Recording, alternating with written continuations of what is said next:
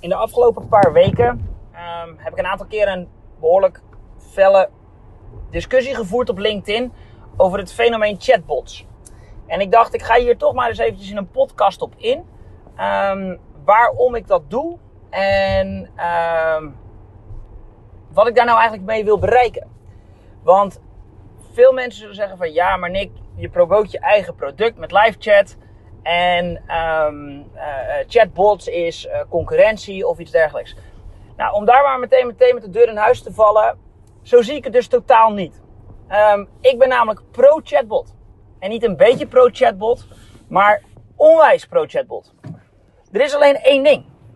En dat is dat er online door heel veel mensen um, allerlei Hosanna-verhalen worden verkondigd over dat de chatbot fantastisch is en van alles kan en je al je problemen oplost. En dat is gewoon een feit dat dat niet waar is.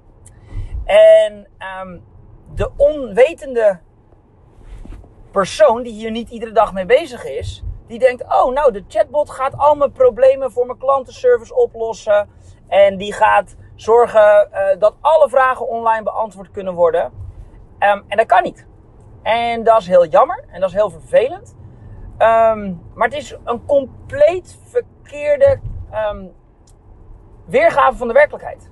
En ook dit weekend zag ik er weer eentje voorbij komen die aangaf dat een chatbot uh, uh, een 8 op 10 scoorde wat betreft um, klantbeleving, software, fix ratio. Nou, ik weet wel niet waar het allemaal over ging.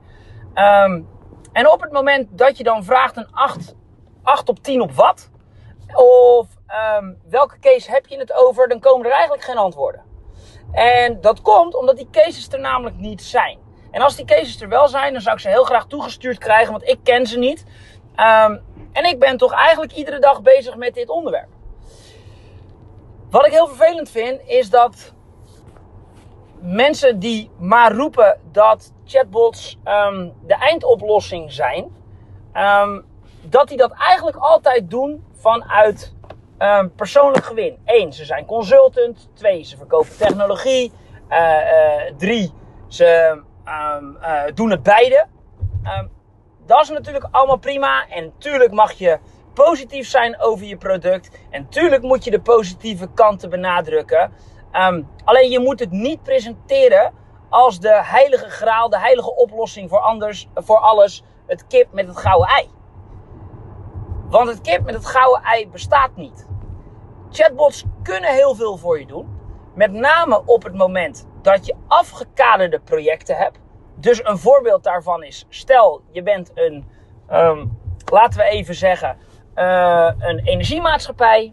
Eén keer per jaar doe je de meterstand, moeten doorgegeven worden. Dat gaat uitstekend met een chatbot. Maar een chatbot werkt niet op het moment dat je hem over een website heen trekt met 100.000 producten. Want daar kan een mens namelijk al geen antwoord op geven. Dus laat staan dat die chatbot dat kan. Chatbots werken op het moment dat je heel goed afkadert wat dat ding moet doen. Daarnaast is er nog een dingetje. Op het moment dat ik als mens een antwoord niet weet en ik zeg tegen jou: Goh, sorry, maar ik ga het even voor je uitzoeken of ik kom er bij je op terug.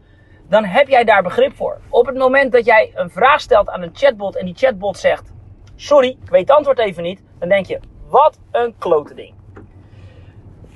Als je dat dus allemaal meeneemt, dan kan die chatbot dus op dit moment nooit voldoen aan hetgene wat gepretendeerd wordt. Daarnaast hebben wij zoiets als emotie in tekst. Emotie is bijna niet uit tekst te halen. En ik kan daar, en ik denk dat ik dat mag zeggen. Waarom? Omdat wij namelijk op dit moment met de vier grote universiteiten in Nederland en onder andere Egon bezig zijn met een groot onderzoek. En bij de eerste resultaten haalden ze uit 9% van alle chatgesprekken die wij aanleveren, konden ze daadwerkelijk de emotie aanstippen. 9%.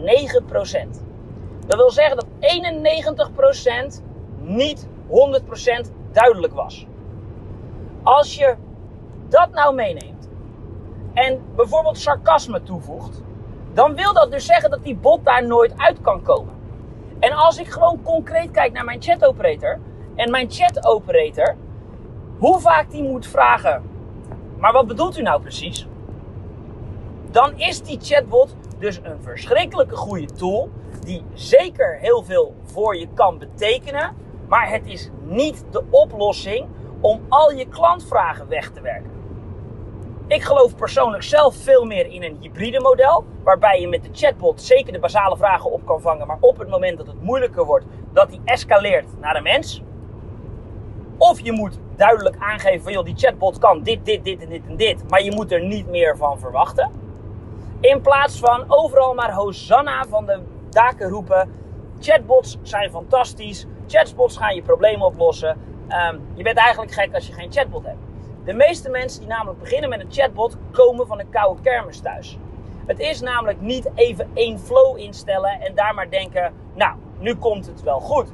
Een chatbot heeft aan de achterkant enorm veel werk nodig om te optimaliseren, te verbeteren. Dus je hebt opstartkosten, bewerkingskosten, verbeteringskosten.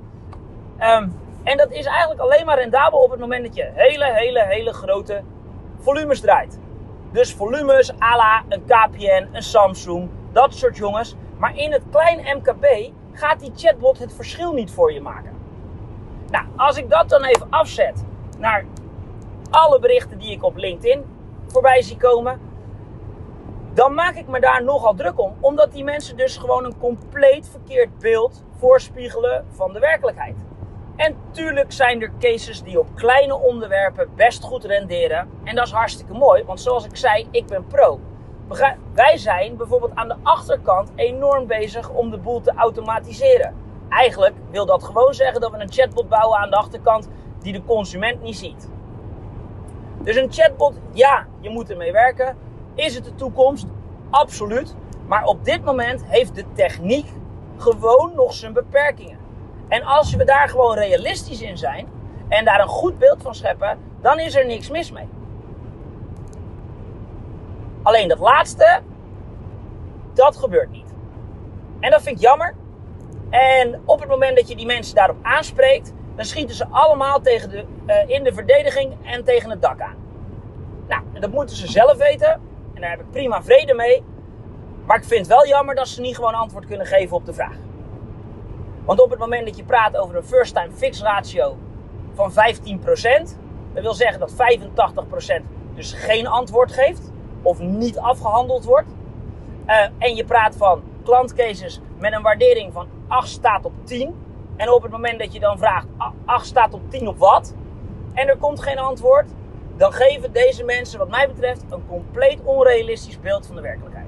Nou, zoals jullie horen um, irriteer ik me er mateloos aan. Um, en vandaar dat ik dacht, weet je wat, ik zal eens even uitleggen wat ik daar dan precies mee bedoel. Dus nogmaals, ik ben pro-chatbot. Als je hem kan gebruiken, moet je het zeker doen. Je moet er goed over nadenken waar je hem inzet en hoe je hem inzet. Maar denk niet dat dit morgen even al je klantenserviceproblemen oplost.